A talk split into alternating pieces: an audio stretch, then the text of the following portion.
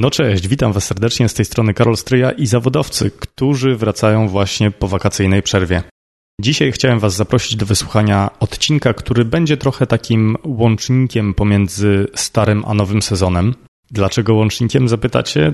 Dlatego, że e, moim gościem jest Mariusz Fijka, dzięki któremu zawodowcy, przynajmniej od strony fotograficznej, wyglądają tak, jak wyglądają. Usiedliśmy sobie w parku z Mariuszem kilka dni przed jego e, obroną, obroną dyplomu i porozmawialiśmy o tym, czym jest dla niego fotografia, jak się jej nauczył, czy wyobraża sobie świat bez światła, czy wyobraża sobie siebie fotografującego, gdyby stracił wzrok. Zapraszam Was do wysłuchania tej rozmowy. Być może zainspiruje ona Was do tego, żeby sięgnąć po aparat i zacząć robić zdjęcia. Wszystkiego dobrego.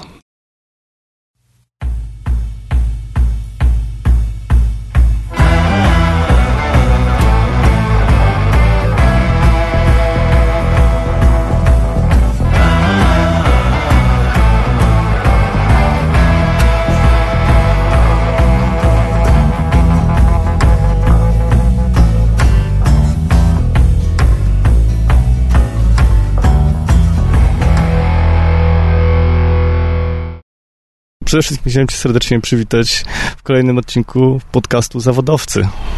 Cześć Karol, bardzo miło, że znalazłem się w tym zacnym gronie. Pamiętasz swój pierwszy aparat? Tak, pamiętam.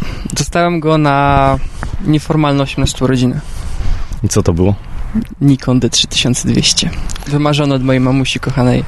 A Smiena? Zorka? Nie, mm, aparat klasyczny, żeby nie powiedzieć analogowy, był moim drugim aparatem. Naprawdę? Tak. I w sumie nie był formalnie mój, bo zabrałem go wujkowi, który mnie w tą fotografię wciągnął. To ile miałeś lat, jak zacząłeś fotografować? 18. No, 17 można powiedzieć. 17-18 to taki przełomowy moment. To kim chciałeś zostać, jak byłeś dzieckiem? Jak byłem dzieckiem, na początku chciałem być policjantem, potem chciałem być sportowcem po tej fazie na sportowca przyszła szkoła, liceum i strasznie lubiłem rysować i chciałem być architektem krajobrazu. W związku z tym, że siedziałem całe, całe dnie w lesie i, i na polach, i na podwórku i ta zieleń mnie mega wciągnęła, a lubiłem bardzo rysować i stwierdziłem, że tak, architektura krajobrazu, ale jednak matematyka królowa nauk mhm. nie była moją przyjaciółką. No i co, i dostałeś ten aparat? I co z nim zacząłeś robić? Dostałem ten aparat i zacząłem nim fotografować, znaczy, bo to ogólnie było zawsze tak, że mm, mój wujek jest fotografem. Mhm. i jest, był, taki hobbystycznie fotografuje i zawsze na wszystkich e, rodzinnych imprezach typu święta, urodziny, imieniny e, latał z tym aparatem. I ja mu ten aparat kradłem. Miał fajną, dużą taką lustrzankę z, z, z lampą błyskową, z dużym obiektywem, która mhm. ważyła z 2-3 kilo i tak profesjonalnie wyglądała I, i, i, zawsze byłem taki szczęśliwy, jak latałem, robiłem zdjęcie tym aparatem, no i on zawsze tak mi mówił, że mi to mega wychodzi, że to jest fajne, no i tak męczyłem ucho tej mojej mamie, bo wtedy, no wiadomo, pieniążki, pieniążki.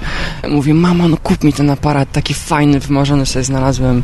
Oczywiście to była bzdura, bo to była jakaś totalna podstawowa lustrzanka, która no. można było kupić dwa razy lepszy aparat za te pieniądze, ale wtedy się totalnie nie znałem. E, no i kupiłem ten pierwszy aparat i ja przejąłem tą pałeczkę fotografowania na rodzinnych okolicznościach i nie, już nie wujek fotografował, tylko ja fotografowałem. Mhm. No, a potem się to wszystko jakoś tak potoczyło, że jakieś portreciki koleżankom, potem jakieś tam pierwsze robótki, jakiś kolega miał jakiś serwis, więc mu sfotografowałem ten jego serwis, jak to wszystko robił. E, ktoś tam miał jakąś mamę, która miała jakąś hodowlę zwie- psów chyba bodajże, to mhm. sfotografowałem te psy. Potem mama mi załatwiła pracę jako fotograf w swojej firmie, znaczy w firmie, w której pracuję, więc tam też zacząłem fotografować tak poważniej. Wcześniej jeździłem też na sesje z, razem z nią do fotografa, który te sesje im takie normalne, profesjonalne robił. Od niego się też dużo uczyłem. Mm, jednak, no i bardzo dużo czytałem o tej fotografii. Nie mhm. uczyłem, jestem taki, że nie potrafię się uczyć tutoriali tych YouTube'owych. E, muszę to na własnej skórze przetestować, a najlepiej w ogóle jest jak to wyczytam i zobaczę obrazki w książce, bo lubię czytać w ogóle o fotografii, o, o, o technikach fotograficznych, o historii fotografii. No i w międzyczasie, jak miałem ten pierwszy aparat, to pojawiła się ta fotografia analogowa. Mhm. I ona mnie w sumie o wiele bardziej wciągnęła niż fotografowanie tą cyfrówką. Mhm. E, I wtedy zaczęło się takie dzielenie w tej fotografii na taką fotografię dla siebie mhm. e, i na taką fotografię, która pójdzie na Facebooka, która pójdzie na, dla kogoś. No i potem to wszystko tak wszystko zaczęło się nagle łączyć i, i, i te analogii już miałem w jednym palcu, można tak powiedzieć. A jak już miałem te analogii, potrafiłem sam wywoływać zdjęcia, ustawić sobie czasy ekspozycji, nie musiałem już nawet patrzeć na światłomierz. E, no to tą cyfrowką o wiele łatwiej się pracowało, no bo jednak fotografia mhm. analogowa jest o wiele trudniejsza niż cyfrowa. No i ta, ten aparat stał się takim moim nieodłącznym elementem, który zawsze mam przy sobie. Fotografowałem wszystko i wciąż fotografuję wszystko. Mm, studiowałem ochrony dóbr kultury i środowiska. Naprawdę? Tak, przez rok. E, I to, był, to, to było coś takiego, mm, co niby jednak gdzieś tam była ta architektura krajobrazu, trochę architektury też tam gdzieś tam się przewijało. No. E, ale ten projekt w sumie, ta, ta, ta uczelnia tak, tak jednak upadła, bo no, przestało mi tam iść, bo jestem totalnym nieukiem i mi się nie chce uczyć takich, mhm. na pamięć wykuwać dat, y, powstanie jakichś budynków, więc no nie zdałem, mm, szczerze mhm. mówiąc. No i głupio było rodzicom powiedzieć, więc co robiłem? No brałem aparat, chodziłem po Warszawie i fotografowałem. Co ty mówisz? I, i wtedy się pojawił taki projekt o bezdomnych, taki mój w sumie pierwszy, poważny, mhm. z którym wystartowałem na uczelnię i zacząłem studiować fotografię. A co to był za projekt? To był projekt, którego ja na początku nie potrafiłem określić, bo po prostu bardzo lubię poznać nowe osoby. No jak się kręciłem po tej, po tej Warszawie, a jednak kręciłem się codziennie, bo mówiłem rodzicom, że jadę na uczelnię, więc od godziny 8 do godziny 15 chodziłem i nie wiem, co, co zrobić ze swoim życiem. Mhm. Um, więc potem jakiś taki totalnie głupi pomysł, żeby rozmawiać z bezdomnymi, e, ale z nimi było bardzo ciężko rozmawiać, bo, bo oni nie chcieli rozmawiać, bo z nimi dużo osób chce rozmawiać, nagrywać.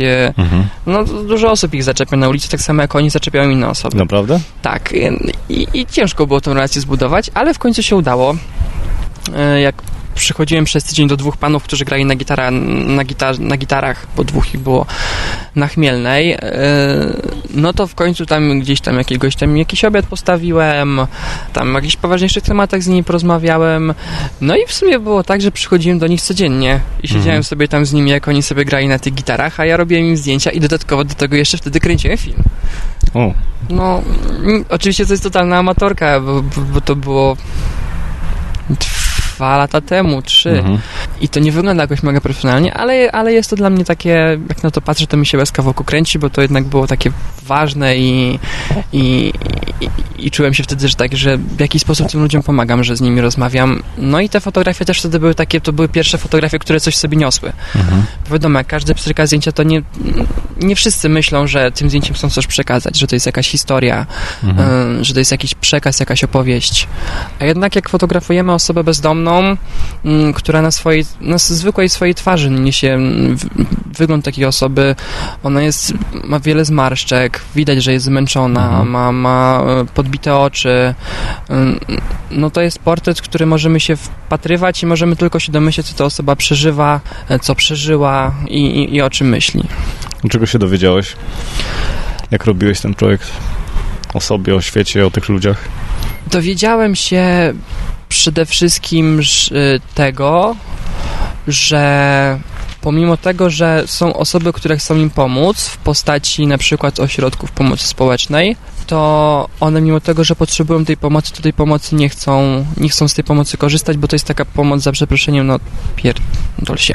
Mhm. Na odwal się, no taka mhm. pomoc, bo w tym momencie każda osoba, z którą rozmawiałem i one to otwarcie mówią w tych pseudowywiadach, które prowadziłem z nimi, że, że nie, nie pójdą do, do takiego ośrodka, bo tam jest jeszcze większy smród, brud i, i, i robale niż na ulicy. Mhm. I taka osoba mówi, że ona woli sobie przyciąć komara w tramwaju, niż iść do takiego miejsca, gdzie się jeszcze, czego, jeszcze czymś może zarazić. Nie rozmawiałem, wiadomo, z osobami, które leżą w śmietniku i, i nie wychodzą z niego, bo są pijane 24 godziny na dobę, tylko rozmawiałem z takimi osobami, które jednak potrafiły mi jakoś logicznie odpowiedzieć na, na, na pytania, które zadawałem i, i, i które na przykład też otwarcie mówili na przykład, że są alkoholikami, no bo jednak biorąc pod uwagę ich sytuację, no to jest najprostsza i najszybsza ucieczka, bo. Bo taka osoba, która się napije, no to nie czuje tego wszystkiego, nie czuje tego bólu i to jest taka ucieczka od codzienności. I to, był, to, było ciężkie, bo wtedy byłem młody, młody i głupi i... I dalej jesteś młody. Dalej jestem młody i głupi, tak. Ale to był taki pierwszy taki pierwszy impuls, że mówię, kurde, jaki ten świat jest dziwny i straszny. Mhm. I, I wtedy stwierdziłem, że kurczę, że chcę iść dalej w tą fotografię, że jednak chcę dalej coś tym opowiadać, chcę dalej coś tym mówić. Mm, z tymi osobami nieraz się do tej pory spotykam w Warszawie i normalnie sobie z nimi przybijam piątkę i mówię, hej, mhm. co tam? I sobie chwilę pogadamy, mhm. bo one wciąż, wciąż grają i tych dwóch panów wciąż grają na tej Chmielnej. Jedną dziewczynę spotkałem razem z chłopakiem, który by, którzy byli w tym filmie. Robiłem backstage y, jakiegoś filmu, który, który, który kręcili w, w Proximie bodajże, w mhm. Proxima. Kurde, jestem tam i, i to był akurat scena koncertu heavy metalowego. No i nagle patrzę, mówię, kurde, znam tą dziewczynę, znam tego chłopaka. Dziewczyna była młoda, miała 17 lat, jak z nią rozmawiałem. Y, tak, pod sceną grali taki tłum, który, mhm. Y, który tam tańczy na koncercie. I chłopak był o wiele starszy, dziewczyna miała 17 lat, bardzo młoda była. Mhm. I mówię, kurde, znam was. No i też z, z, porozmawialiśmy, w ogóle dopiero teraz zobaczyli ten projekt, zobaczyli ten film, zobaczyli te zdjęcia. Już oczywiście wszyscy mieli Facebooka, bo tam jakoś ich droga tak się potoczyła, że, że wyszli z tego, że, że razem mieszkają, że tam jest już wszystko ok, mhm. więc, więc też fajnie, że to miał jakiś happy end.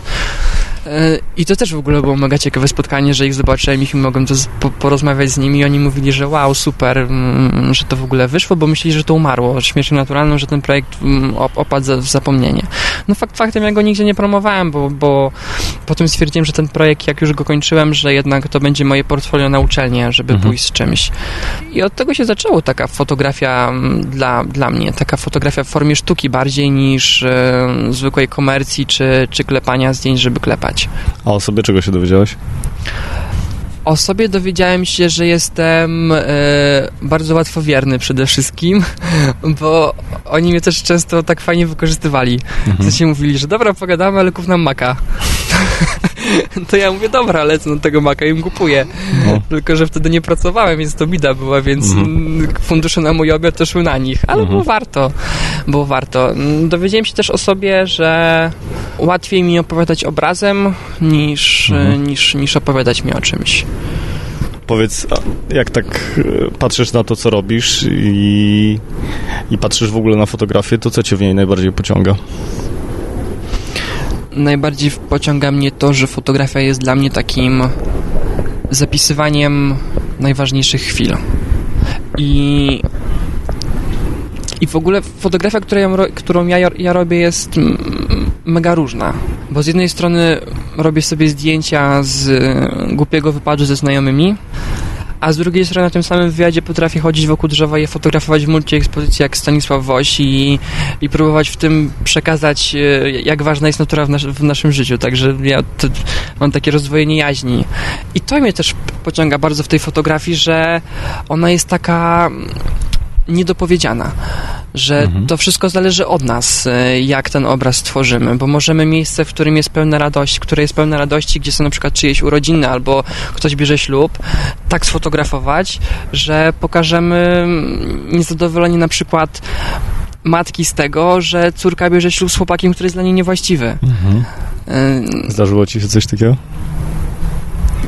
Tej formie nie, ale zdarzyło mi się sfotografować rodziców na 18 pewnej dziewczyny, którzy byli zażenowani tym, jak dużo jest w stanie alkoholu wypić. Mhm.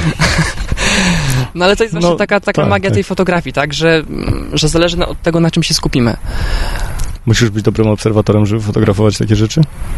Tak. Tak, trzeba, no przede wszystkim nie można cały czas patrzeć tylko przez aparat, bo, bo aparat potrafi wiele rzeczy zagiąć, potrafi wiele rzeczy tak jakby mm, ukryć.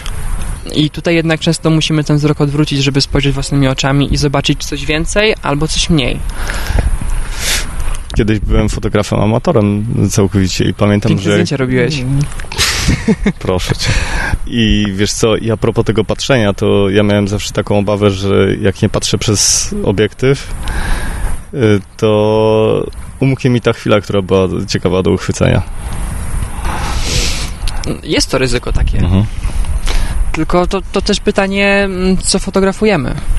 Czy fotografujemy mm, czyjąś miłość i czekamy na ten piękny pocałunek, który nastanie, Mhm. czy fotografujemy ludzi na ulicy i, i czekamy, aż nam się pięknie cień ułoży i tworzy, stworzy nam piękny street art, czy fotografujemy zwierzęta w krzakach, gdzie musimy godzinami leżeć i czekać, Mhm. aż nam ten żubr przejdzie i go złapiemy. Dlatego to jest ta fotografia, która się dzieje na, na, na, na tym po prostu setki poszczególnych takich, ym, jak to nazwać, Mikroscen, tak? Różne. mikroscen, kategorii. Mhm. Z tego co mówisz, chyba nie masz takiej y, jednej dziedziny fotografii, która jest taka twoja, twoja. Nie, nie mam takiej, takiej mm, fotografii, którą, którą mógłbym określić swoją, Mhm. że to jest jedyna rzecz, którą uwielbiam robić. Jaka- Mogę, mogę nazwać to bardziej technikę. Mogę nazwać, że jednak techniki klasyczne i, i ten analog to jest taki moment, kiedy ja jestem sam ze sobą i też bardzo rzadko tak fotografuję, bo, bo bardzo rzadko mam na to mm, czas. Chciałem ciebie zapytać, jaka jest różnica pomiędzy fotografowaniem cyfrowym a analogowym? W sensie nie technologicznym, bo to wszyscy wiemy, ale dla ciebie, jak to się różni? W sensie cały proces taki, wiesz, czy jest rzeczywiście coś takiego, że ten analog jest trochę taki, wiesz, mistyczny? Zależy jak do tego podchodzimy, bo jeżeli do tego Ja podchodzimy jak, takie, ja do tego podchodzę mm, w ten sposób, że dla mnie to jest takie właśnie mistyczne, ale pod tym względem, że nie tyle samo zrobienie zdjęcia na filmie, e, na kliszy jest takie magiczne, co cały ten proces tego powstawania tego zdjęcia, czyli tam te wszystkie sreberka, które są w tym filmie światłoczułym, które ja Mhm. muszę podczas e, procesu wywoływania, e, mieszania tych wywoływaczy, przerywaczy i utrwalaczy, to wszystko muszę kontrolować, ta temperatura, ta, to skupienie. To jest taki moment, kiedy ja się mogę wyłączyć i, i kiedy muszę się skupić konkretnie na tym, a mi jest bardzo ciężko się na czymkolwiek skupić. Potwierdzam. I, I to jest coś, co mnie bardzo uspokaja. I właśnie tutaj nie tyle to stricte fotografowanie, czyli robienie pstryk y, i ustawienie całej ekspozycji, bo to wygląda tak samo, czy w cyfrówce, czy w analogu, Mhm. co ten proces powstawania tego zdjęcia. I tutaj jest taka kwestia, że dużo osób mówi, że wow, fotografuję analogowo, ale potem oddaję do labu, Mhm. który mi wywoła tą rolkę tak, jak on chce. Mhm. On mi nada takie optymalne szumy na tym zdjęciu, on mi nada optymalny kontrast, w zależności od tego, jakiej chemii użyję. Ja nie mam Mhm. nad tym kontroli, no chyba, że im napiszę na kartce, chcę takie i takie. A tutaj ja sobie to wszystko ustalam. Mhm. Jak to jest to moja wina, a nie niczyja inna. I jak mam rolkę, czyli trzy- 36 klatek w, filmie małoobrazkowym, albo 12 w średnim formacie, który jeszcze bardziej lubię, no to jak ją spitolę, ją źle wywołam, no to już tych zdjęć nigdy więcej nie zobaczę. To, jest- to jest takie fajne ryzyko. No bo cyfrówka co? Spitoli się karta, pójdziesz i ją odzyskasz. No tak. Zapłacisz kasę i masz odzyskiwanie. Kliszeć nikt nie odzyska. A kim jest dla ciebie artysta? O, ho, ho. Artysta. Artysta to jest osoba, która dla mnie, dla mnie to jest osoba, która idzie swoją ścieżką mm, i stara się robić to, co robi milion innych osób, czyli na przykład, dajmy na to, fotografować albo śpiewać Mhm. na swój własny sposób. Czyli zbudować sobie mm, swój klimat, zbudować sobie na przykład muzyk, e, swoją muzykę, swoją tonację, m, ma swoją barwę głosu, którą śpiewa. Mhm. Jest taki, jest mm, prawdziwy w tym, co robi. Nie udaje kogoś, nie próbuje śpiewać jak Madonna, Mhm. Yy, nie próbuję fotografować jak Newton, czy, czy, czy Hardwick, czy w ogóle kto wie inny, tylko próbuję, inspiruję się innymi, ale fotografuję, próbuję jednak robić to na swój sposób. Mhm. To jest dla mnie taka definicja artysty. No i tutaj chyba ona jest taka w miarę uniwersalna, bo, bo zarówno czy mówimy o malarzu, czy, czy mówimy o kim innym, no to jednak mm, są pewne takie mm, szczebelki, w których on się trzy, trzyma, czyli na przykład jakieś tam romantyzmy, nieromantyzmy, Mhm. i tak dalej, ale jednak wszystko robi na swój taki charakterystyczny sposób. To jest taki artysta z krwi i kości. E, Wspomniałeś o tej inspiracji takiej. Czy są tacy fotografowie, którymi się inspirujesz, albo od których się uczyłeś, albo... e, Tak, wiesz- ale od y, każdego fotografa, którym się inspiruje, czerpię co innego. Mhm. Na przykład? Ja jestem wielkim y, zboczeńcem na postawie, na, na zasadzie kompozycji. Mhm. Dla mnie kompozycja w zdjęciu jest masakryczna, no po prostu jest najważniejsza. Może mógłbyś wyjaśnić, co to jest kompozycja? Zamykanie wzroku w kadrze. Mhm. Mm, czyli w tym momencie te wszystkie kadry centralne, złote podziały, Mhm. spirale i ustawianie obiektów w kadrze w ten sposób, żeby one nam nie tworzyły przypadku, przypadkowego ołtarzyku, tylko żeby układały się w piękną całość, która nam e, pięknie zamknie obraz i spowoduje, że nasz wzrok po tej fotografii podróżuje mhm. i zahacza o każdy element, który na tym zdjęciu powinien być istotny. Czy to prawda, że zawsze jak patrzymy na jakiś obraz, to e, spoglądamy na początku w górny, górny lewy narożnik? Mm, niekoniecznie, bo jeżeli ten górny lewy narożnik będzie białą ścianą, to nie spojrzymy tam, tylko spojrzymy na czarną kropkę, która będzie w prawym dolnym narożniku. Mhm. Więc zależy, to, to, to, właśnie od nas zależy, jak, jak ten wzrok pokierujemy w tym kadrze. Mhm. E, I mistrzem według mnie pod tym względem był Avedon, mm, który, który pięknie to robił i nie czerpię od niego innej inspiracji niż tylko, tylko kompozycja. Mhm. Bo on fotografował studyjnie, fotografował model, modelki, słynną weruszkę i tak dalej. I, I to nie jest mój klimat, ale, ale jednak był mistrzem, jeśli chodzi o kompozycję. To było... Mhm. A inni? A inni... Bardzo lubię fotografię ślubną, chociaż mało je lubię, mało mhm. je robię. I dla mnie takim guru ślubnym jest Rafał Bojar, który pięknie pokazuje emocje na zdjęciach. Mhm. Młodą parę po prostu, która ta ich miłość się tak wylewa z tego zdjęcia, no, że można to znaczy? się na nie... Wytłumacz mi to.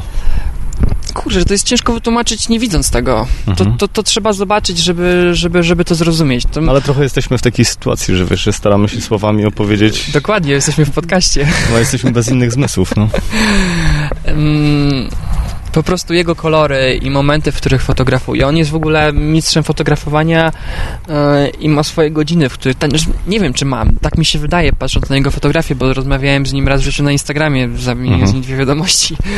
Ale mm, wydaje mi się, że fotografuje tylko i wyłącznie o wschodach i zachodach i w takich godzinach, gdy, gdzie albo jest słońce, które mocno nam daje i jest to słońce bardzo nisko, mhm. Albo w godzinach, kiedy słońce jest wysoko, ale go nie widać, bo jest pochmurnie i też buduje to światło nie poprzez błysk, tylko buduje cały czas gra światłem naturalnym, zastanym. I, i na przykład sfotografuje parę podczas kąpieli w taki sposób, że my na tym zdjęciu będziemy nawet widzieli zaparowany jego obiektyw i będziemy widzieli tą parę, która się unosi i to zdjęcie będzie na przykład lekko rozmazane albo nieostre w niektórych miejscach i, i czujemy się jakbyśmy byli w te, razem z nimi w tej łazience, gdzie jest gorąco i gdzie oni po prostu biorą kąpiel i są szczęśliwi. I, i, I, to jest kurczę takie fenomenalne i, i też fotografuję zwykłe pary, które biegają po polanie, ale fotografuję tak, że, mm, że na przykład zrobi z tego GIF, fotograficzny GIF, który kurczę Może będzie... wyjaśnimy, co to jest GIF, bo nie każdy będzie wiedział, co to... No, kilkanaście, kilkadziesiąt zdjęć połączonych w jedno i wygląda tak, jakby to był film, tylko taki poklatkowy, mhm. że mamy takie lekkie urywki, tak jakby nam się wideo cięło. Mhm. I ma to swój klimacik i, i to bardzo fajnie wygląda. No i tutaj jednak on jest takim mistrzem w pokazywaniu takiej sensualności. Mhm. Pokazuje pary, które są w łóżku rozebrane, ale to nie jest żadna nagość czy, czy cokolwiek takiego innego i nie widzimy w tym w ogóle nic seksownego, mhm. tylko widzimy w tym naprawdę taką miłość i piękną, zdrową relację dwóch ludzi, którzy się kochają. I fotografuje zarówno e, pary homoseksualne, jak i heteroseksualne. Mhm. On z tym się w ogóle nie, nie, nie boi tego. To też jest pewnego rodzaju wyzwaniem, bo fotografowanie dwóch facetów i ich miłość gdzie faceci jednak są mniej wyględni od kobiet, jest trudne dla mnie. A on to robi wciąż pięknie. No właśnie, ty chyba też miałeś, może nie epizod, bo w sumie też od czasu do czasu gdzieś widziałem jakieś twoje akty, ale ty chyba też dobrze pamiętam, że uczyłeś się od fotografa, który fotografował akty, tak? Tak, troszkę od niego czerpałem. Mhm. Znaczy, fotografowałem akty. No, może mi się zdarzyło z cztery razy fotografować mhm. w pełni rozebraną kobietę. Ale powiem tak, jest to bardzo trudne. Mhm. Jest to bardzo trudne pod tym względem, że to jest takie chodzenie po cienkiej linii, mhm. po cienkim, pokruchym lodzie, że bardzo łatwo jest z tej delikatnej nagości, z tego delikatnego aktu zrobić coś, co przerodzi się w coś chamskiego, brzydkiego i, i czym łatwo można kogoś skrzywdzić. Mhm. Dlatego bardzo mało tej fotografii robię, bo, bo jest to bardzo ryzykowne, a ja się bardzo stresuję w takich momentach. Mhm. E, ogólnie się zawsze stresuję, fotografując jakieś takie mega ważne rzeczy. I sprawiało mi to mniej przyjemności mhm. niż, niż inne typy fotografii. Aczkolwiek już takie bardziej sensualne, jakieś nagości zakryte i tak dalej, to mi się o wiele częściej zdarza. Mariusz, zastanawiam się, patrząc na fotografię jako taką, wiesz, e, umiejętność, czy w fotografii liczy się talent, czy praktyka? Według mnie jest to bardzo wypośrodkowane, Mhm. bo oko się bardzo liczy. Mhm. I są osoby, które nie wiedzą, czym jest przysłona, albo ani czym jest czas migawki, Mhm. ale mają takie oko, że nawet telefonem zrobią świetne zdjęcie, Mhm. m, które może iść na billboardy do National Geographic czy, czy do Forbesa. Ale jednak y, z drugiej strony są też osoby, które nie mając oka, y, ale znając fajne triki fotograficzne, też zrobią świetne zdjęcie. Tylko, że tutaj jest taki problem, że na przykład będą mieli problem z kompozycją, ale już z ekspozycją, czyli z fo- formą naświetlenia zdjęcia, żeby ono było dobrze naświetlone, żeby było fajnie pokolorowane, żeby było zrobione w fajnym miejscu i, i żeby było dobre technicznie. Tutaj mm, będą o wiele lepiej nad osobami, które mają po prostu dobre oko. A wyobrażasz sobie świat bez światła? Nie. Nie, nie wyobrażam sobie świata bez światła. Yy, aczkolwiek często muszę siedzieć w ciemności, bo jednak fotografia analogowa i siedzenie w ciemni jest tym siedzeniem w ciemności. I jest to coś bardzo ciężkiego i jest to strasznie smutne. I nerwowe. Ciemność? Ciemność.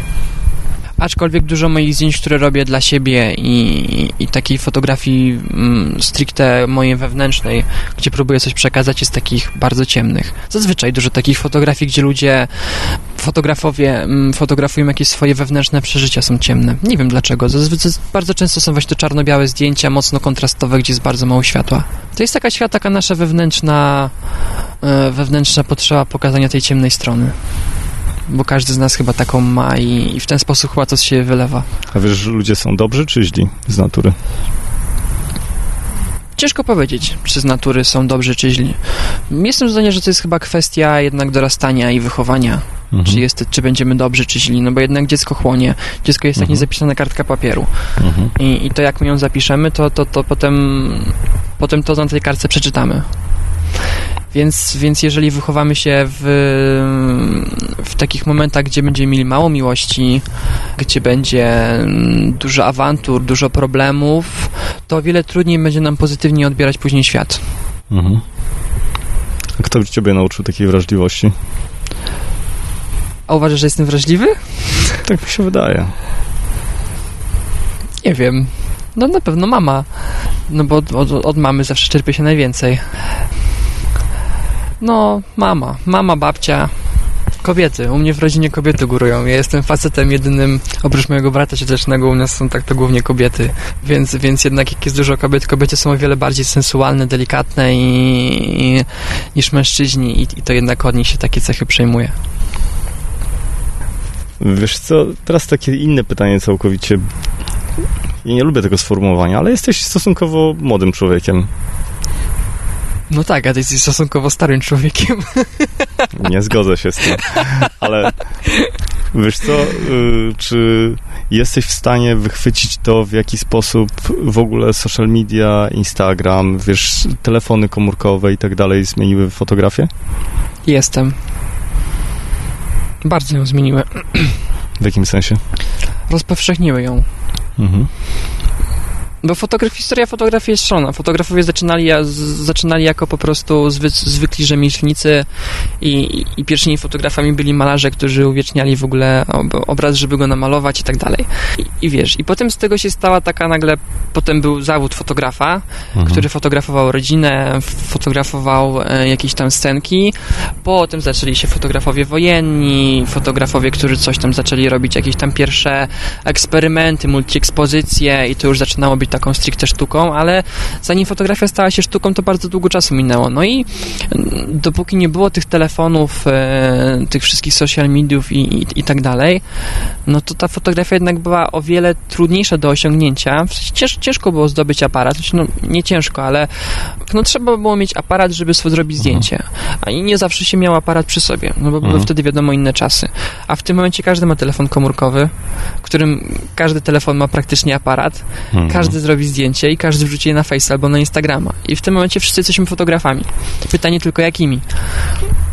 Wiesz co, ja jestem naprawdę pod gigantycznym wrażeniem niektórych osób, które fotografują tylko i wyłącznie telefonami, a ich zdjęcia są naprawdę niesamowite, wiesz, No. tak jak mówisz, pod kątem kompozycyjnym, Dokładnie. opowiadania historii, wiesz, yy, kolorów, no w, wszystkiego. No, jak to mówić, takie przysłowie albo cytat, nie wiem jak to nazwać, nie sprzęta technika, czy nie z ciebie zawodnika, nie? Czyli no, to, wiesz, fotografują, fotografować możemy z kartką papieru, na którą mhm. naniesiemy substancję światłoczułą. Wszystko nam zrobi zdjęcie. Możemy naświetlać trawę, możemy naświetlać liście, które mają chlorofil w sobie, który jest światłoczuły i mhm. jak na niego rzucimy rzutnikiem jakiś obraz, to, to na nim też się zapisze coś. Więc... Albo możemy fotografować przez blaszki z małą dziurką. Dokładnie, możemy fotografować pinholem.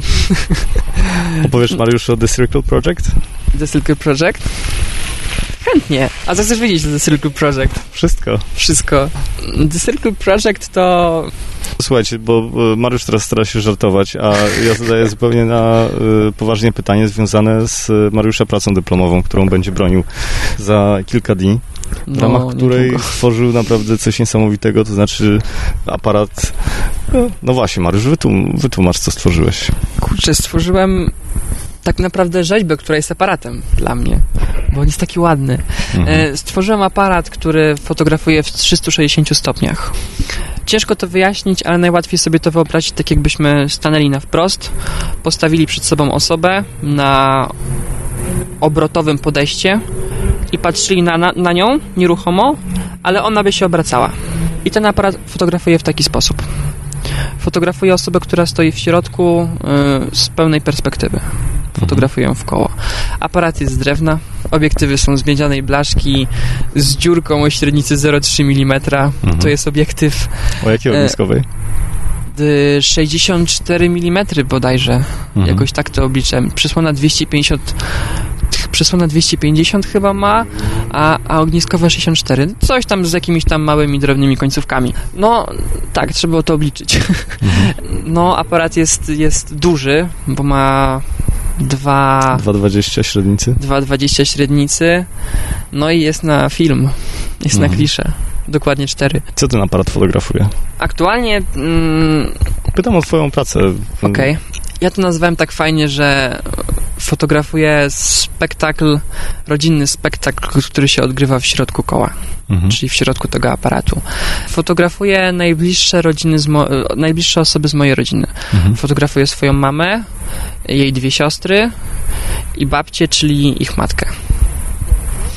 Tak, bo, bo, to są takie kobiety, które do mojego życia wniosły najwięcej. Mhm. Jedna z sióstr mojej mamy jest moją chrzestną. Ja wychowywałem się praktycznie obok babci, bo mieszkaliśmy, jak, jak byłem młody, do czasów chyba do końca podstaw... Nie, do połowy podstawówki mieszkałem razem z babcią, więc cały czas miałem też dwie ciocie pod sobą, wszyscy mieszkaliśmy na jednym podwórku. No i, i teraz już nie mieszkamy, teraz już mieszka każdy oddzielnie i mniej czasu razem spędzamy, o wiele mniej. Za mało bym powiedział wręcz. No i chciałem pokazać w tym projekcie przez cały ten proces e, fotografii, bo trzeba powiedzieć o tym, że to jest fotografia otworkowa, mhm. która jest niedoskonała bo jednak obiektyw bez soczewek, bez przysłony, mhm. bez żadnego szkła nie da nam idealnego obrazu mamy dużo zamydleń, mamy jakieś tam syfy od, od, od, tych, od paproszki, od kurzu, mamy jakieś zadrapania na kliszy. No, obraz jest taki, jakbym złożył kliszę, zgniótł ją, wsadził do kieszeni, wyciągnął, mhm. zeskanował i mam z tego gotowe zdjęcie. Mhm. Ale to wszystko jest zamierzone, bo, bo chcę pokazać te osoby, które e, są dla mnie bardzo ważne, takimi, jakimi są. Mhm. Mm, czyli nie chcę ubierać ich w, w piękne garsonki, sukienki i, i w ogóle robić im wianki i fotografować, robić piękne portrety, tylko chcę sfotografować te bardzo ważne osoby, dla mnie wręcz najważniejsze, jako zwykłego człowieka pełnego wad. Myślę, że się za to nie obrażą, bo, bo wciąż wyszły pięknie, bo to w końcu moja rodzina, która jest piękna i to po nich mam te wszystkie swoje cudowne cechy, urody. nie no, żartuję.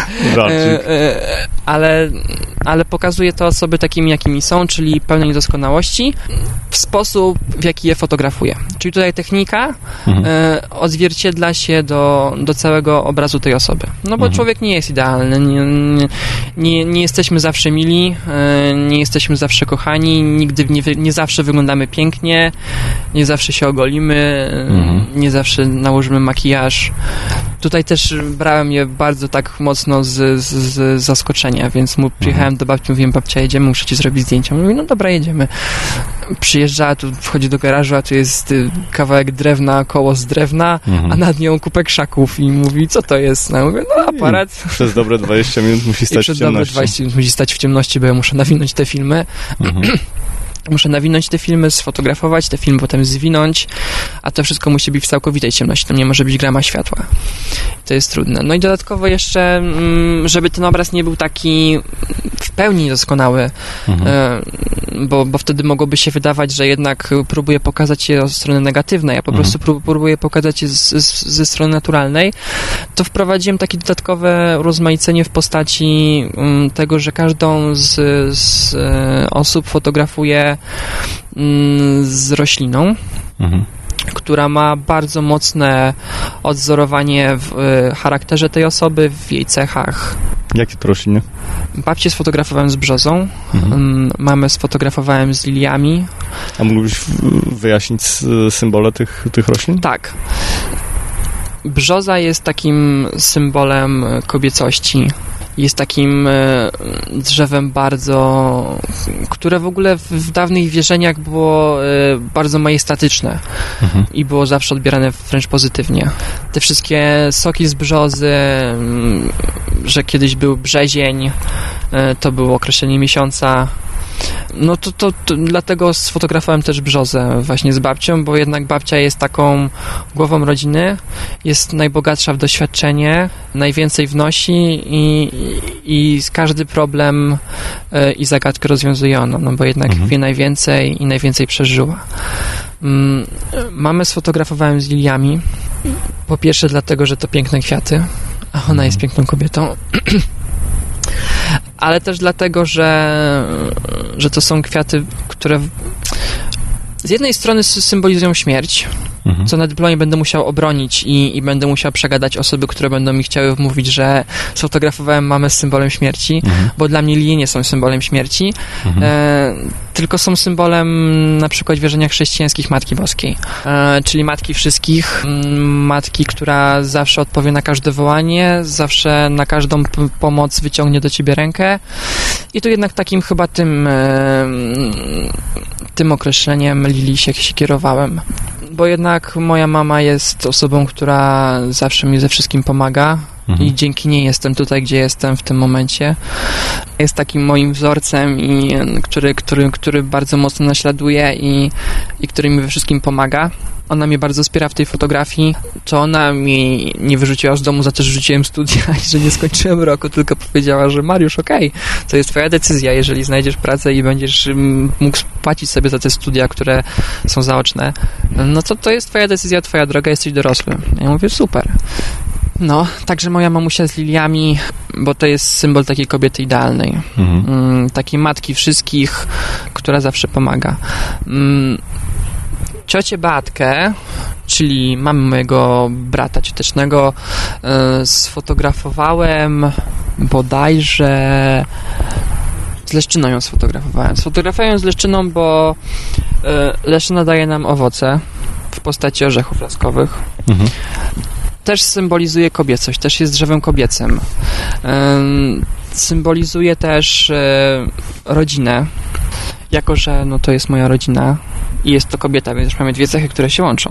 Dodatkowo te orzechy, które też są bardzo pozytywnie zawsze odbierane i, i, i to jest taki zawsze symbol, ten orzech laskowy zawsze był, zawsze był dobrze kojarzony i, i taka też jest dla mnie ciocia Beatka, zawsze jest taka pozytywna, kobieca, naturalna, Mhm. no drzewo, drzewo nikt, nikt nie pielęgnuje drzewa la- laskowego, la, Mhm. tego mm, orzecha laskowego i, i, i- tego, i tego drzewa. No to to jest takie drzewo, które po prostu sobie rośnie na podwórku Mhm. i daje nam fajne, z, dobre orzechy. Mhm. No i ja tutaj widzę cię Beatkę, która po prostu zawsze jest gdzieś Super. obok, która zawsze gdzieś tam pomoże, która e, zawsze gdzieś tam się ze mną pośmieje, no i która dała mi mojego młodszego, ciotecznego brata, z którym mam bardzo dobry kontakt i, i, i którego bardzo lubię.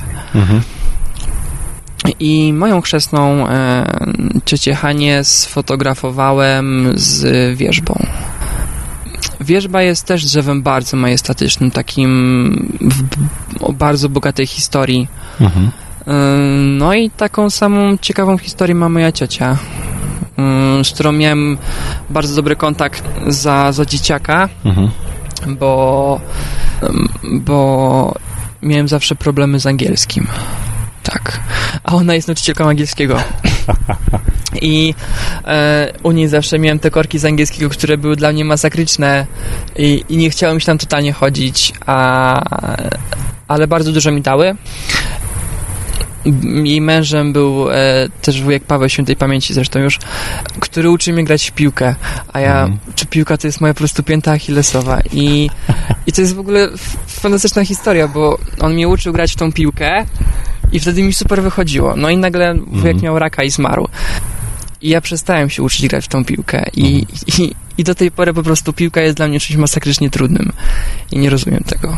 I, i, i w ogóle grając w tą piłkę to jest dla mnie takie po prostu totalnie nie do pojęcia, mhm. Mm, bo, bo, bo grałem w tą piłkę i, i totalnie nie potrafię. A wtedy byłem w tym świetny, grałem w klubie w ogóle w takim Nastal się nazywał. E, grałem sobie w, w tą piłkę razem z nim. On mnie uczył codziennie, codziennie mnie uczył. Ćwiczyliśmy na podwórku, jeździłem z nim na mecze, a teraz po prostu sportów e, z piłką nożną nienawidzę. Nie rozumiem ludzi, którzy biegają za piłką, bo to jest mm. głupie. I po prostu wolę sporty ekstremalne, które coś w sobie noszą, bo dają trochę adrenaliny, a nie mhm. sport taki, w którym kupa ludzi biega za piłką. No dobrze, ale zostawmy ten sport. No, bo tutaj jednak trochę się wzruszyłem z tym weekend. Ale A, no tutaj, mm, to jednak była ta kwestia tego, że, że, że też, yy, że też on dużo wniósł do mojego życia. I yy, teraz jest yy, jej obecnym mężem jest wujek Piotrek, mhm. który połączył mnie z fotografią, bo jest fotografem.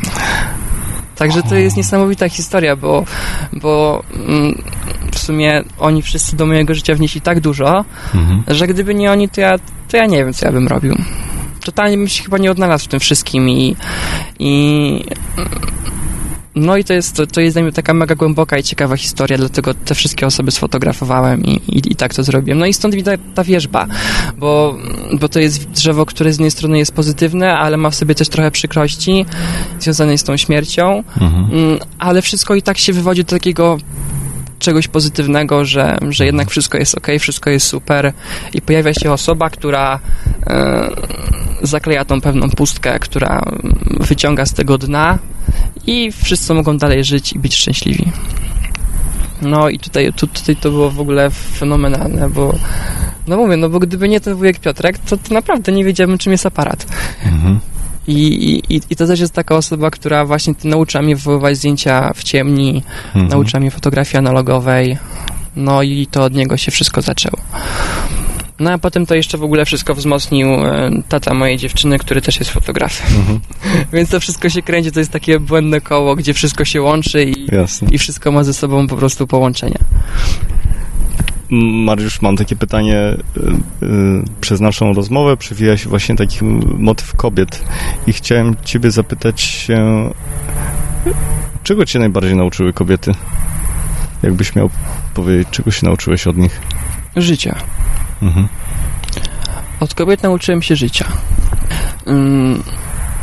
No bo, bo tutaj jednak postać kobieca uczyła mnie takich podstawowych mm, rzeczy. Mhm. Czyli jak się odezwać, jak, jak zdać maturę, e, mhm. jak się zachować, jak być uprzejmym dla drugiego człowieka, co też jest dla mnie bardzo ważne i, i nienawidzę takiego ocenienia z góry, kiedy spotykamy kogoś na ulicy i mówimy, że o nie, ciebie już nie lubię. I tego mnie zawsze uczyła moja mama, żeby, żeby nie obrażać ludzi, których nie znamy. Mm, no a myślę, że ona mnie tego nauczyła, bo ona to wyniosła od swojej mamy. No bo to jednak kobieta jest taką osobą, która nam mówi, co wypada, a czego nie. Mm, a to jest najważniejsze w życiu. No, musimy wiedzieć, jak zachować się w danej sytuacji. Nie możemy wpadać na, na czyjeś urodziny i, i klepać każdego po kolei. No, no bo to jest, to, jest, to jest niefajne. No i mama nauczyła mnie jednak tych takich podstawowych wartości, że, co warto szanować, jak osiągać cele, które sobie postawimy.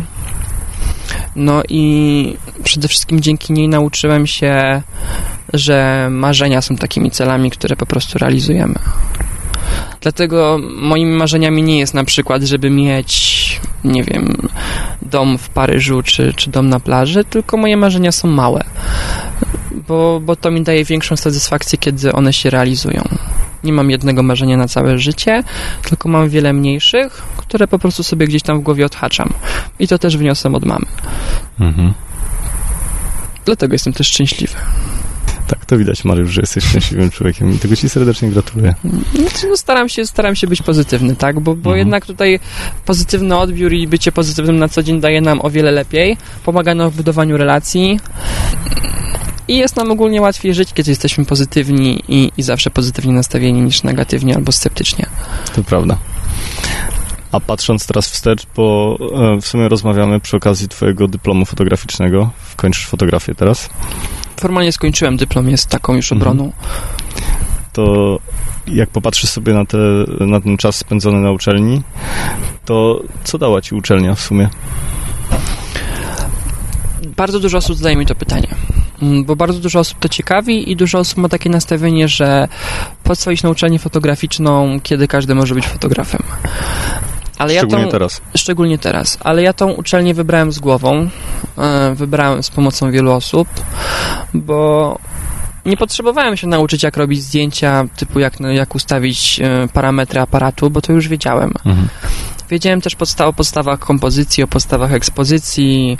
Wtedy już fotografowałem analogowo, więc wiedziałem, jak te zdjęcia wywoływać, jak skanować. E, poszedłem tam, żeby nauczyć się fotografii od strony artystycznej i żeby w ten sposób to wykorzystać, żeby pomogło mi to w pracy, ale też, żebym mógł połączyć pracę z pasją. Żeby nie było tak, że ta fotografia mi się po roku znudzi, bo będę na okrągło fotografował przys przysłowiowe kotlety mhm. albo, albo śluby, bo wtedy się człowiek męczy i dla mnie wtedy to, to, to, taki fotograf wtedy nie jest zadowolony.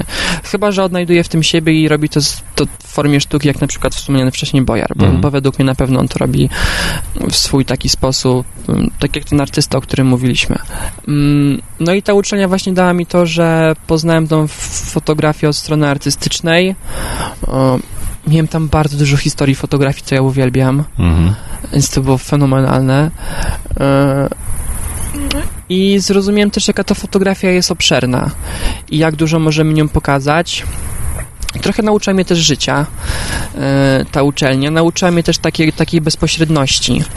E, mam straszny problem z tym, żeby budować relacje z osobą, którą fotografuję. Mm, jednak mam problem taki, że jak fotografuję, to ciężko mi się skupić na dwóch rzeczach. Mhm. I co innego jest zwykłe fotografowanie, a co innego jest budowa relacji, jeszcze rozmowa przy okazji z tą osobą. Zresztą sam to w pewnym momencie zauważyłeś. Mhm. Mieliśmy taki moment, tak. że fotografowaliśmy i musiałeś mi pomóc. Mhm. I tego też się uczyłem i trochę, to, trochę się tego nauczyłem na uczelni, ale jeszcze potrzebuję więcej tej nauki. Mhm. Mm, nie, no jest w ogóle milion rzeczy na tej uczelni, które mi dały takiego kopa.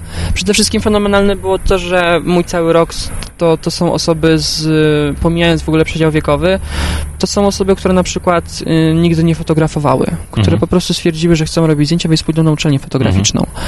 Więc wszyscy startowaliśmy totalnie z, od zera. Mhm. Ja, ja tam na tej uczelni byłem fotografem. Ja tam, tam, tam się nie liczyło, że ja pracuję jako mhm. fotograf, że już robiłem jakieś sesje, że ja potrafię obsługiwać aparat. Mhm. Tam wszyscy startowaliśmy od zera i w ogóle fenomenalne było to, że osoby, które mm, dopiero się uczyły, jak ustawić aparat do zdjęć, robiły o wiele lepsze zdjęcia i było o wiele łatwiej zrobić im jakąś totalną abstrakcję albo pójść i sfotografować miłość swoich dziadków mhm. w temacie o miłości, niż osobom, które skupiały się na sprzęcie, na ustawieniu światła, na ustawieniu mhm. aparatu, które miały świetne zdjęcia techniczne, ale zero przekazu, jakie mhm. na przykład nie wiem z tym strasznym problem. I to w ogóle, wiesz, to jest świetne, bo, bo okej, okay, jestem fotografem, ale idę na uczelnię i nagle się okazuje, że tak naprawdę gówno wiem o tej fotografii mhm. I, i, i, to mi bardzo dużo dało, no i to, to dzięki tej uczelni postanowiłem, że jednak chcę iść dalej i chcę zrobić doktorat z fotografii, co jest takim moim kolejnym z celów. Gratuluję. Mm, dziękuję. No, to jest taki mój kolejny cel, który chcę osiągnąć, bo, bo wciąż chcę się o tej fotografii uczyć, bo, bo wciąż uważam, że wiem o niej jeszcze za mało i, i wciąż chcę wiedzieć więcej. No ta uczenia tak pomogła mi w ogóle wszystko wyśrodkować. Pomogła mi e, znaleźć czas na pracę, ale też pomogła mi znaleźć ucieczkę od tej pracy, czyli mhm. tę fotografię dla mnie, która wzmacnia tą moją relację z aparatem. Że ja się go nie brzydzę, że ja nie mam go dosyć Mhm. po dwóch tygodniach, tylko jak mam już dosyć tej cyfrówki, to sobie biorę analoga, idę na godzinę do lasu, Mhm. robię sobie zdjęcia godzinę w lesie, wywołuję potem te zdjęcia i mówię, kurde, kocham to, kocham tą fotografię, to jest to i wracam do cyfrówki i idę do pracy, nie? To jest coś fenomen, fenom, fenomenalnego. Wiesz, że ci bardzo dobrze życzę. Jestem tego świadomy. A co by było, gdybyś stracił wzrok? Wciąż bym fotografował. Myślę, że dałbym radę bez wzroku. Czasem myślę o takich rzeczach, wiesz? Mhm. Czasem myślę i... I myślę też, że, że mamy, nasze zmysły są, są, są tak niesamowite. Mhm. I zauważyłem to w ogóle teraz robiąc ten, ten, ten projekt y, z tym dyplomem, kiedy ja w ciemności nawijam te filmy i spaceruję po garażu, gdzie mi to nie stwarza jakichś większych problemów. I myślę, że wtedy byłbym w stanie budować sobie na przykład z masy solnej jakieś, e, jakieś figury, jakieś rzeźby i jakoś bym to zrobił, żebym fotografował. Z- z- Zmontowałbym sobie jakiś światłomierz na, no. jakiś światłomierz kurczę na, na diodę, która by mi mówiła, kiedy jak pokręcę kółkiem z przysłoną, czy z czasem naświetlania, mm, kiedy jest dobrze ustawione i wtedy bym fotografował. Myślę, że wciąż bym to robił, tylko bym to robił na wyczucie. Fajnie by było spróbować na przykład zrobić portret czyjejś osoby yy, bez, bez patrzenia na nią poprzez dotyk. Wiem, że tak osoby, które są na- niewidome, wiem, że tak osoby, które są niewidome zapamiętują i, i Mhm. poznają w ogóle rzeczywistość przez dotyk, patrzą na, dotykają os- twarzy danej osoby, patrzą na jej rysy twarzy. A ty jak widzisz świat? Widzisz go obrazami? Widzisz go ruchomy, statyczny? Czy czujesz świat? Czy jak byś to określił? Myślę, że ja mam w ogóle swój świat. I, i w ogóle perspektywa widzenia zależy od, od, od punktu siedzenia dla mnie. To Mhm. świat jest kolorowy z jednej strony, ale z drugiej strony jest tak cholernie mroczny, że, że zależy wszystko od tego, co mamy w głowie, jaki mamy nastrój, jaki mamy humor. Mhm. To jest to, o czym wspominałem. Jeżeli będziemy smutni, będziemy źli, będziemy mieli po prostu w, w środku siebie milion negatywnych myśli i coś będzie nas mega gnębiło, no to nie pójdziemy i nie zrobimy zdjęć, które będą mega pozytywne i kolorowe. No nie Mhm. wyjdzie nam to, jakbyśmy nie próbowali. Tak jak z rozmową, jak ktoś jest naszym przyjacielem i nas bardzo dobrze zna, to podczas rozmowy wyczuje, czy coś nam jest nie tak, czy coś nas gryzie. To tak samo Mhm. będzie z, z fotografią. Jeżeli jesteśmy dobrymi fotografami, to potrafimy bez słowa coś opowiedzieć poprzez obraz. I czasem nawet nieświadomie to zrobimy. A jakie masz takie marzenia twoje? Moje marzenie? Mhm. Mm, rodzina przede wszystkim. Mhm. Założenie dobrej, e, kochającej się, aktywnej i zdrowej rodziny. Marzeń związanych z pracą nie mam. Nie, nie mam jakiegoś takiego celu, który dobrze mi tu, gdzie jestem i, i oby to się dalej toczyło. Mm. Moim takim marzeniem jest, y, żeby zamieszkać w górach też, bo, bo kocham góry. Mhm. No ale to myślę, że są bardziej cele niż marzenia, bo, bo to wszystko, Mhm. człowiek jest w stanie wszystko zrealizować i do Mhm. wszystkiego jest w stanie dojść. To jest takie moje, moje podstawowe mm, postrzeganie tego świata. I moim marzeniem jest też takim, to jest takie najcięższe w sobie marzenie, żeby cała moja rodzina, łącznie z, ze stroną mamy, jak i ze strony taty, była ze mnie dumna. To jest, to jest dla mnie takie bardzo ważne. Że chciałbym, chciałbym, żeby byli ze mnie dumni i, i żeby kiedyś sobie po prostu pomyśleli, już nawet jak ich nie będzie, Mhm. że wow, fajnego mia- miałem syna, fajnego miałem wnuczka i, i, i coś osiągnął. Mhm. Chciałem zostawić po sobie też jakiś ślad, ale myślę, że już zostanie coś na pewno, bo, bo zdjęcia zostają na lata, więc myślę, że, że to już jest. Już, już coś po sobie zostawiłem robiąc te fotografie. I to też jest fajne, że, że jak już coś mi się broń Boże stanie, a jestem zdania, że coś nam się może stać w każdej chwili, Mhm. bo nie jesteśmy w stanie tego przewidzieć, czy nas nagle teraz, jak tutaj siedzimy w parku w Wilanowie, nie spali na nas meteoryt albo samolot, który nagle się rozbije nam, nie spali nam na głowy. Mm, To bardzo ważne było dla mnie, żeby, żeby coś po sobie zostawić. No i tutaj Mhm. są te zdjęcia, jest jeden projekt, jest drugi projekt. No, To, to jest. Chcę mieć po sobie jakąś taką spuściznę. Niematerialną, Mhm. ale taką, że ktoś spojrzy na zdjęcia i powie: O, Mariusz. Kurczę, coś ten chłopak chciał powiedzieć, nie? Mhm. Tutaj co, co, coś, coś, coś ciekawego robił. Chciałbym go poznać. To jest coś, co dla mnie... I to jest takie naj, najtrudniejsze, bo to nie jest w sumie już, już cel, bo, bo to jest... Bo, to, bo nie będę w stanie tego sprecyzować, dopóki nie umrę i nie zobaczę tego może, może z góry, albo może jako zwierzę, nie wiem. E, dopóki tego, te, tego nie, spra nie sprawdzę tego, nie jestem w stanie tego sprawdzić, więc jest to, więc jest to mega, mega ciężkie i to jest takie typowe typowe marzenie. A gdybyś miał dać komuś radę, kto gdzieś myśli, że może fotografować i może robić zdjęcia i nie wie jak zacząć, to co byś powiedział? Żeby pstrykał wszystkim aparatem, telefonem i żeby robił te zdjęcia, bo jednak y, im więcej zdjęć zrobimy, mhm. to tym, tym więcej się nauczymy tej fotografii. Bo to jednak trochę tak jest, że, że tutaj e, doświadczenie się buduje w tej fotografii. Im więcej zrobimy tych zdjęć, ja nie jestem przykład w stanie teraz określić, ile zdjęć zrobiłem, ale myślę, że to są grube tysiące, bo, bo tysiąc zdjęć to się robi na, w ciągu jednego dnia. Dlatego wydaje mi się, że im więcej będzie robił tych zdjęć, e, i im bardziej będzie robił z głową i będzie myślał, zanim zrobi to zdjęcie, a nie po prostu pstrykał. Kompozycja, historia, tak? Znaczy nawet nie tyle kompozycja, tylko żeby, żeby myślał, co chce tym zdjęciem pokazać. Mhm. No, żeby to nie było zdjęcie mm, kwitnącego kwiatka na polanie, Chyba, że to będzie fragment cyklu na przykład, no, mhm. no bo wtedy to się super nam dopina, jak wrzucamy na Instagrama przez aplikację Unfold y, zdjęcie modelki w polu i nagle gdzieś tam jakiś taki kwiatuszek. Mhm. Y, ale żeby to miało ręce i nogi, żeby, żeby, to, żeby to było sensem, tak? Czyli, że, że na przykład idzie, jest na jakimś ciekawym wydarzeniu, jest w teatrze, mm, jest na przykład na, dajmy na Marszu Niepodległości. Niech weźmie aparat, mm, niech weźmie telefon historię. i niech opowiada historię tego, co widzi. Bo tutaj tego, jak się czuje i niech też przez to, jak się czuje, próbuje fotografować. Mhm. Czyli jest wesoły, robi radosne rzeczy. Jest smutny, fotografuje to, co widzi, ale w taki sposób, jak on to odczuwa. Taką radę bym mu sprzedał. I myślę, że na pewno by pomogła. Fotografia nie jest trudna.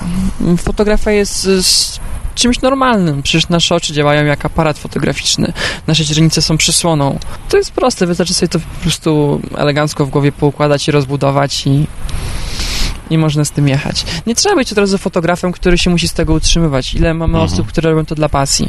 Ale najważniejsza w życiu jest pasja, bo człowiek, który nie ma pasji, dla mnie jest człowiekiem, który jest smutny, który, mhm. który nie może korzystać z tego życia w pełni i który nie ma takiej odskoczni od tej szarej codzienności, która jest ciężka, która jest przytłaczająca, kiedy widzimy wkoło nas tyle smutku, cierpienia, wracamy do domu, no i co, i myślimy o tym smutku, cierpieniu? Nie, wracamy do domu i warto jest zrobić coś, co, co da nam sporo radości, co da nam sporo radości, co nam pozwoli czuć się e, takim spełnionym, wesołym, radosnym i, i to mi daje fotografia i chcę, żeby też to dawała innym. Mariusz, serdecznie Ci, ci gratuluję tej pasji, tej radości, tej Twojej takiej wrażliwości, którą masz, wiesz, na, na ludzi, na świat. No i co, no i trzymam kciuki za Ciebie, Twoje plany i marzenia. Dziękuję ślicznie, Karol. To ja dziękuję za rozmowę, Mariusz. Bardzo mi miło.